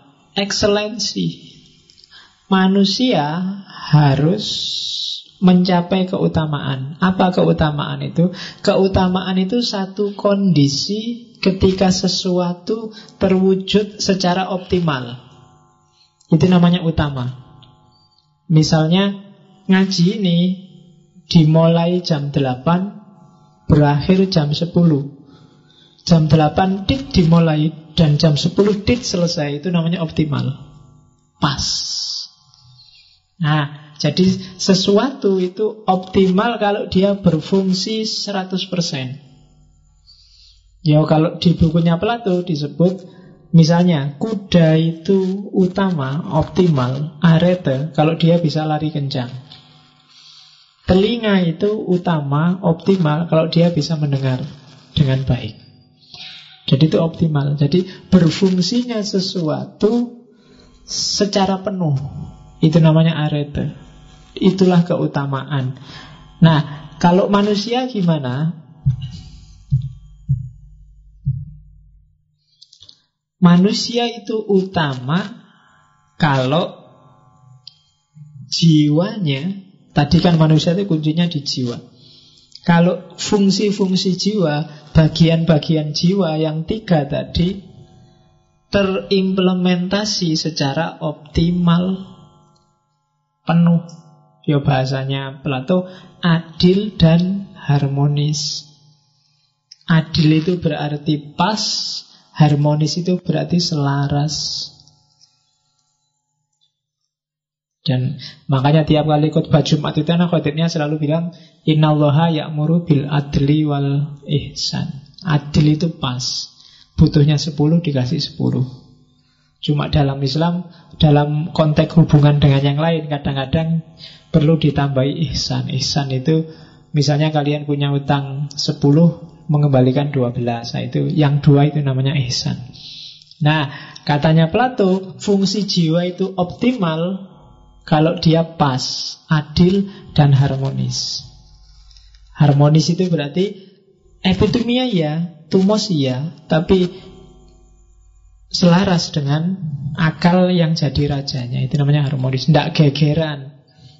Nggak konflik. Konflik itu kan misalnya akalmu melarang-larang bahwa itu jelek, tapi kamu disetir oleh epitemia yang jelek pun diterjang. Itu berarti nggak harmonis. Nggak adil. Misalnya harusnya kamu sehari makan tiga kali. Tapi meskipun kamu punya, kamu makan satu kali karena ingin menyiksa diri. Nah, itu namanya nggak adil. Jadi harus adil. Nah, itu berarti apa? Manusia yang jiwanya diimplementasikan secara optimal dan harmonis, itu berarti dia adil. Oke.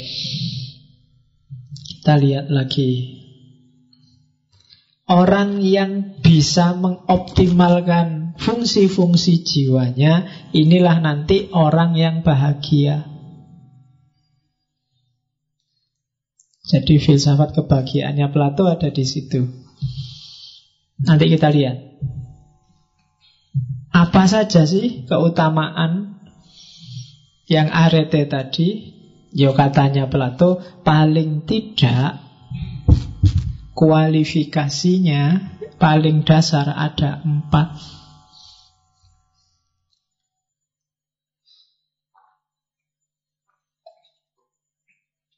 Jadi yang pertama kesederhanaan, yang kedua keberanian, yang ketiga kebijaksanaan, yang keempat keadilan atau kebenaran.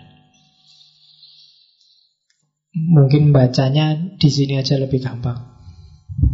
Jadi optimalisasi fungsi jiwa biar kita bisa bahagia. Oke, yang pertama epitumia. Epitumia itu objeknya kan tadi kebaikan fisik perut ke bawah, yaitu makan, minum, seks. Optimalnya apa? Kesederhanaan. Saya tidak tahu konotasi sederhana itu seperti apa. Maksudnya hidup sederhana itu hidup yang pas. Bukan pas-pasan loh ya. Beda. Hidup pas dengan pas-pasan itu kan konotasinya jauh. Pas itu kayak iklannya salon pas itu loh. Waktu butuh ini pas ada, waktu butuh itu pas ada. Jadi butuhnya 100 ya 100. Tidak usah serakah 200. Itu namanya hidup sederhana.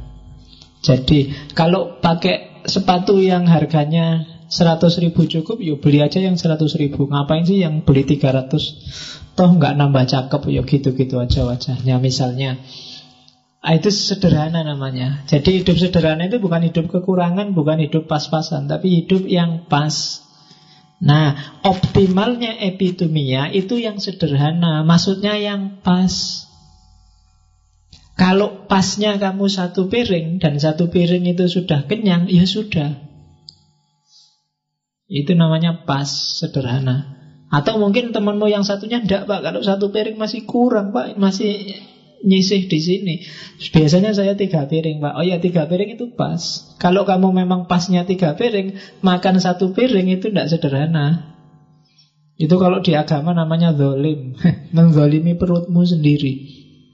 Biasanya isinya tiga, kamu kasih satu Atau lima nasi kucing tapi Ya. Jadi nasi kucing kan kadang-kadang sampai enam tujuh kan kalian. Lebih banyak dari biasanya.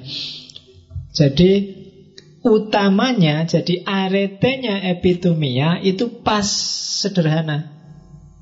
Jadi makan, minum, seks itu keutamaan kesederhanaan. Jadi jangan lebih dan jangan kurang. Seks juga begitu, jangan dikurangi sampai tidak kawin juga jangan lebih. Lebih itu boros, kuas apa ya boros itu ya mungkin ngentek-entek pasangan apa pokoknya satu aja cukup kan nggak harus dua. Kalau satu kurang ya nambahlah dua kan gitu. Lo kan logikanya kan gitu. Ya kalau sudah satu, sudahlah kamu satu-satunya selesai ya sudah. Berarti satu aja. Tapi besok butuh satu lagi Pak Untuk cadangan oh, ya. Itu urusan lain itu Tapi yang jelas sesuai kebutuhan Pas Nah, kalau yang tumos, yang tadi harga diri, cita-cita, status, itu sederhana pasti. Sederhana dalam arti harus pas. Kalau over namanya sombong, kalau kurang namanya minder, harus pas. Dan juga berani. Berani itu kan tengah-tengah antara takut dan nekat. Ya.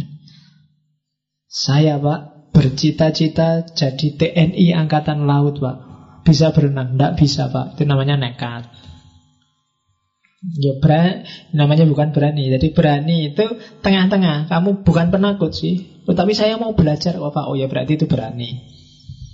Jadi itu untuk tumos sederhana, penuhi secara pas. Orang juga butuh status, orang juga butuh harga diri, orang juga butuh nama, Orang juga butuh ambisi, tapi jangan berlebihan, juga jangan kekurangan dan berani. Nah, jadi level tumos kalau sederhana dan berani berarti optimal. Pas. Terus logistikon atau logistikon itu Objeknya kan kebaikan, pengetahuan, kebaikan dalam dirinya sendiri. Ada tambahannya, keutamaan sederhana, berani, dan selalu nambah pengetahuan. Itu berarti optimal.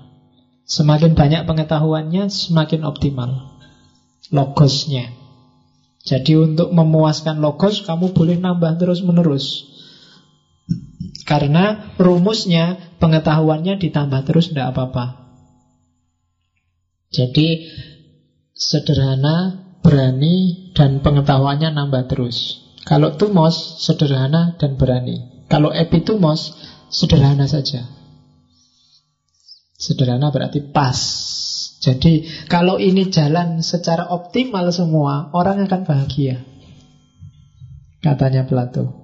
Jadi epituminya terpenuhi, tumosnya terpenuhi, dia punya gairah, punya semangat, dan logosnya selalu bertambah.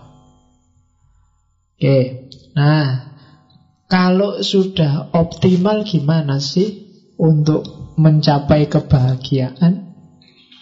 Katanya Plato, geraknya jiwa yang mencari kebahagiaan itu ada dua. Jadi yang pertama, gerak membersihkan epitumia dan timos, tumos, biar jadi sederhana dan berani tadi. Gerak yang kedua, setelah beres, dirinya sendiri bersih, terus jalan, dialah yang jadi pemandu. Jadi geraknya dua kali. Jadi membereskan penumpang dan nyetir ke arah tujuan.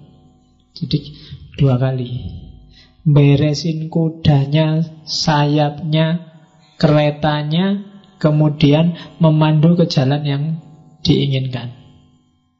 Jadi akalmu itu tugasnya dua, menahan, ngatur, dan mengarahkan. Jadi dua. Setelah ngatur, mengarahkan. Nah, ini ini sebenarnya sangat sufistik. Jadi di sufi-sufi kalian sering dengar ajaran semacam ini. Jadi gerak jiwa itu gerak membersihkan dan gerak mengarahkan. Itu semacam taholi, tahali, dan tajalli. Kalau tajalli berarti sudah sampai tujuan. Taholi dibersihkan, tahali diarahkan, diisi dengan yang baik, dan terakhir tajalli. Itu ada di filsafatnya Plato. Terus catatan lagi dari Plato, keutamaan itu bukan pertukaran. Ini diingat-ingat ya, bukan ijolan. Maksudnya ijolan itu kadang-kadang kan kita gini, menukarkan kenikmatan yang kecil demi kenikmatan yang besar. Kamu melekan demi nilai ujian bagus. Kamu korbankan tidurmu demi nilai yang bagus. Ini namanya ijolan. Semacam ini tidak utama. Jadi tidak bagus. Kenapa? Tidak esensial. Gaya semacam inilah yang bikin misalnya Saiful Jamil, dia rajin poso Senin Kemis, rajin tahajud, tapi yo akhirnya kejebak juga di situ. Kenapa? Karena dia mungkin kebanyak kayak kebanyakan orang sholat tahajudnya, sholat duhanya, puasa Senin Kemisnya pakai logika ijolan. Ya Allah, saya capek-capek bangun malam nih, kasih rezeki yang bagus ya. Ini itu namanya pertukaran. Kalau kayak gini katanya Plato, ndak, ndak utama. Itu sama dengan kita pindah dari rasa takut yang satu ke rasa takut yang lain. Menaklukkan rasa takut yang satu untuk jatuh ke rasa takut yang lain. Tidur demi nilai bagus. Kamu taklukkan semangat tidurmu demi karena kamu takut nilaimu jelek. Jadi itu namanya tukaran. Ngaji kayak gini, Mas, tiap malam ngaji gimana sih? Wah, biar biar dapat barokah terus aku pinter, kalau pinter nanti bisa naik. Itu berarti ijolan. Katanya Plato, enggak. Katanya Plato, gaya ijolan itu ambigu dan tidak jelas. Jadi Kenapa oleh Plato disebut ambigu? Ya karena tidak pasti. Di situ kalimatnya ambigu itu masalahmu sebenarnya nggak hilang. Kamu tetap ada di rasa takut. Saya siap Pak mengorbankan jam 9 waktu duha, waktunya kerja, tak pakai sholat duha. Loh bayangkan, waktunya orang sibuk-sibuk kerja Pak, saya sholat. Cuma yo, kenapa? Biar rezekiku tambah. Itu sebenarnya kamu menaklukkan rasa takutmu bekerja karena rasa takut kamu miskin. Jadi dari rasa takut satu ke rasa takut yang lain itu namanya pertukaran. Cuma ijolan, nggak ada yang berubah, kamu tetap masih takut. Nah itu katanya Plato ndak. Ya bukan nggak boleh, tapi itu ndak utama. Biar utama gimana? Jalurnya harus logos. Logos itu pakai akal. Kenapa kok sholat duha tiap hari ya? Karena saya itu kan rezekiku banyak, jadi saya harus bersyukur. Tak sisipkan dikit waktu syukur, waktu duha kan tidak apa-apa. Itu kan logos namanya. Ini lebih lebih murni, lebih abadi daripada ijolan. Kadang-kadang kan kita ibadah sama Allah kan gitu, modenya mode bisnis. Ijolan. Saya dulu Nggak usah sholat tahiyatul masjid Kita baca tasbih subhanallah Alhamdulillah Wa la ilaha illallah wakbar Itu derajatnya sama kayak sholat tahiyatul masjid Ah nggak usah Kalau gitu baca itu aja kan gitu Hitung-hitungan Perhitungan. Barang siapa membaca doa ini sekian kali Maka dikasih ini. Akhirnya kan kamu ngitung bener pas kurang 30 jelas lagi suwi men ya kurang. Nah saya gitu kamu perhitungan. Dianggapnya Allah sedetail itu kayak akuntan. Wow, mohon maaf doamu gak tak kabulkan karena subhanallahnya harusnya tiga tiga kamu tiga dua kurang satu. Misalnya, apa ya sampai segitunya Allah itu? Itu karena kita logikanya logika ijolan sama Allah. Kita berbisnis sama Tuhan, katanya. Katanya Platunda, yang kayak gini tidak utama. Jadi keutamaan bukan ijolan. Oke, Nah, ini yang mewarisi teori gurunya Plato. Katanya Plato, orang jahat itu tidak ada sebenarnya. Kalau ada orang melakukan kejahatan atau kesalahan, itu sebenarnya karena dia tidak tahu. Kita lihat ya, rentetan logikanya Plato. Yang pertama, kalau ada orang melakukan salah atau jahat, itu pasti dia nggak sadar atau nggak tahu. Kenapa? Yang pertama, tidak ada orang yang ingin merusak dirinya sendiri, ingin menyusahkan dirinya sendiri. Ketika orang melakukan kesalahan, itu dia tidak tahu kalau kesalahan itu sebenarnya merusak dirinya sendiri. Dia nganggapnya kesalahan itu menguntungkan dirinya sendiri. Jadi kuncinya sebenarnya dia tidak tahu. Kalau dia tahu bahwa kesalahan itu merusak dirinya sendiri, dia tidak akan melakukan itu. Orang tidak tahu kan nggak sadar. Jadi rumusnya Plato, orang jahat itu tidak ada. Yang ada orang tidak ngerti. Kalau ada orang begal, dia nganggapnya dengan begal itu hidupnya akan lebih nyaman, lebih untung, lebih tentram, lebih nikmat. Padahal orang yang ngerti ndak dengan kamu begal hidupmu lebih susah, lebih sumpek. Mungkin kamu dapat uang banyak sebentar, tapi setelah itu kamu sengsara, dicari orang nggak bisa hidup bebas, lebih susah loh. Dia nggak nyampe ke sana. Dia ndak tahu. Kalau dia tahu, mungkin dia nggak melakukan itu. Orang yang memperkosa misalnya, loh, dia mikir wah dengan tak perkosa, enak aku dapat tahu rasanya. Loh, dia nggak paham rasamu yang cuma berapa? Kamu kuatnya berapa? Kuatnya. Iyalah. Gak ngono, levelmu menit apa detik? Iya, apa jam, apa hari? Jadi hanya beberapa detik itu Nikmat, bukan bahagia. Nikmat beberapa detik itu. Taruhannya sangat besar Rusaknya sangat panjang. Maka sebenarnya kamu nggak tahu resikonya nggak ngerti resikonya. Kamu nggak sadar melakukan itu. Jadi katanya Plato Tidak ada orang jahat. Yang ada orang nggak ngerti. Maka nanti katanya Plato Konsekuensinya apa? Orang itu kalau dia ngerti dan tahu pasti baik. Itulah maka kuncinya sejak awal tadi Plato bilang logos, logos, logos yang harus nyetir. Semakin kamu paham bahwa itu ngerusak dirimu, semakin kamu tidak melakukan itu. Gitu. Jadi orang jahat itu tidak ada. Yang ada orang yang tidak tahu. Nah itu rumusnya Plato. Jadi maka kamu nggak perlu nyalah-nyalahin orang kalau ada jatuh. Dia tidak tahu. Berilah dia tahu resikonya, dampaknya. Karena nggak ada orang yang nyari susah untuk dirinya sendiri minimal. Oke. Terus akhirnya apa? Kalau sudah harmonis, sudah adil, sudah beres jiwanya Maka kamu bahagia Kalau sudah bahagia kenapa sih? Kalau sudah bahagia kita akan eudaimon, eudaimon. Makanya filsafat kebahagiaannya Plato kan disebut eudaimonia. Jadi daimon itu apa? Intelek, akal atau sesuatu yang bercorak ketuhanan.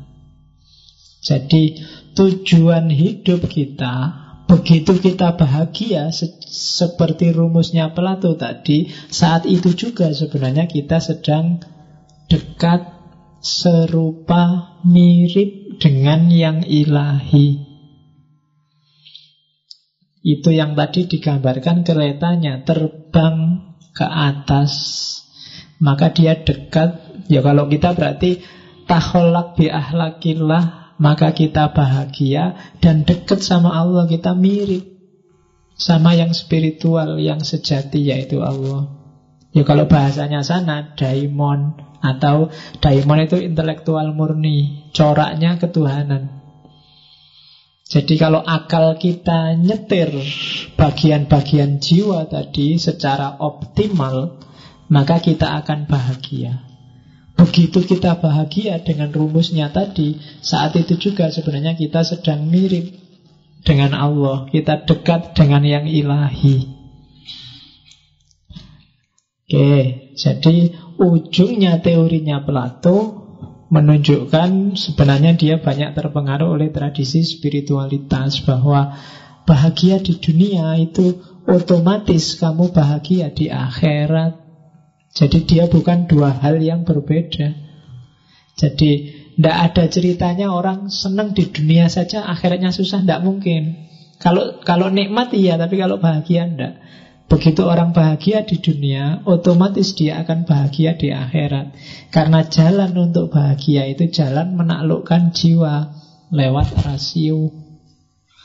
Nah, itu rumusnya Plato. Jadi tidak ada orang bahagia di wah orang jahat itu bahagia di dunia, Di akhirat nanti susah. Enggak, orang jahat yang kacau Yang tidak tahu tadi ya dia susah di dunia sebenarnya. Dan di akhirat juga akan susah. Yang bahagia di dunia Di akhirat juga akan bahagia.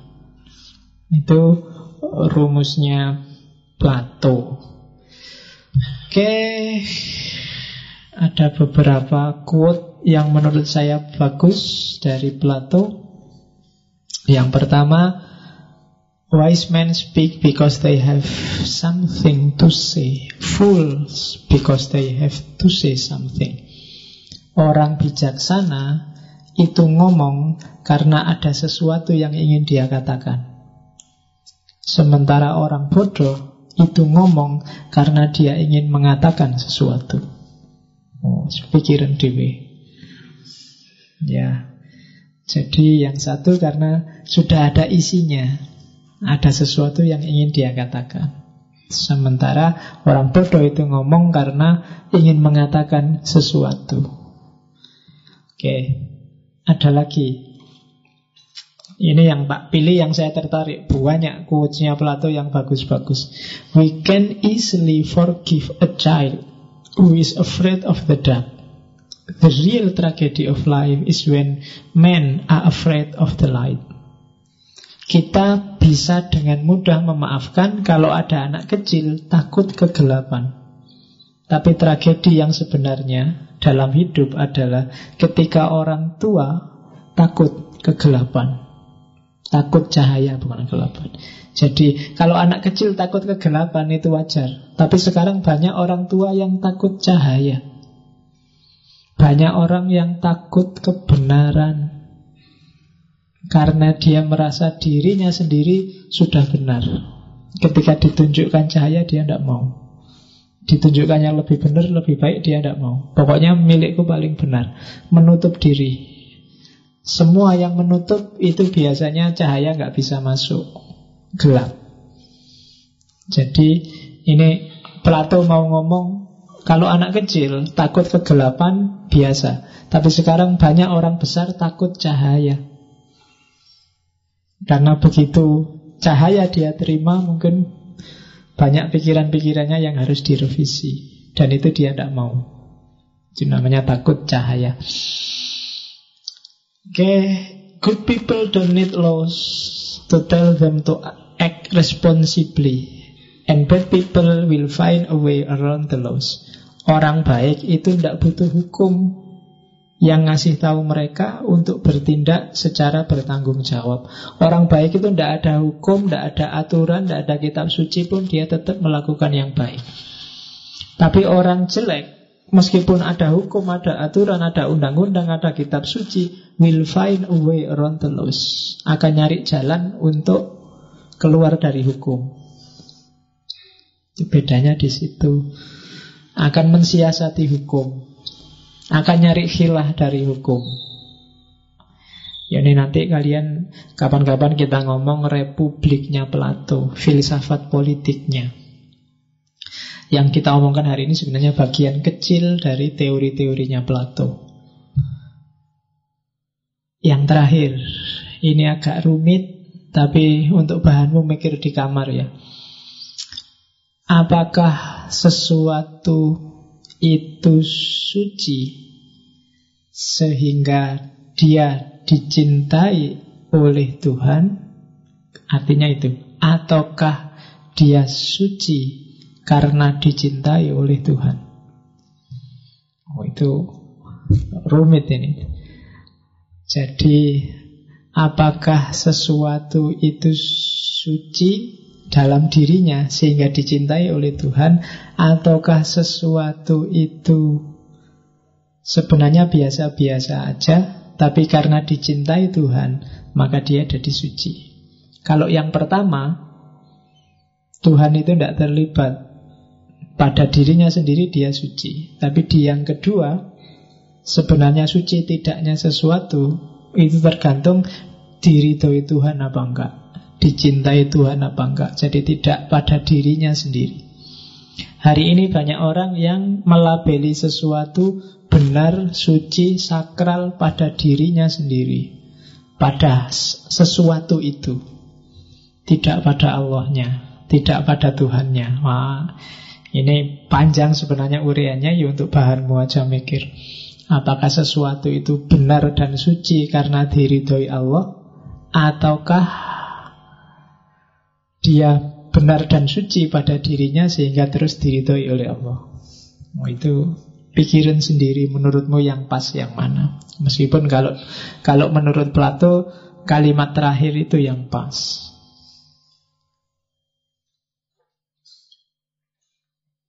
Jadi ridho Allahnya duluan. Kadang-kadang bahkan anjing dan pelacur pun ketika diridhoi oleh Allah dia jadi suci dan masuk surga. Ulama paling tinggi sekalipun bahkan ada yang masuk neraka karena Allah nggak ridho. Nah itu contohnya. Tapi kamu pikir sendiri nanti di kamar. Sebenarnya masih banyak quote-quote dari Plato yang bagus karena wawasannya memang sangat luas. Kalau Socrates lebih banyak meletakkan dasar-dasar berpikirnya. Sementara nanti dua muridnya mengelaborasi pemikiran-pemikiran gurunya sesuai gayanya masing-masing. Kalau Plato lebih cenderung ke sayap kanan, sementara muridnya nanti Aristoteles cenderung ke sayap kiri dengan realismenya.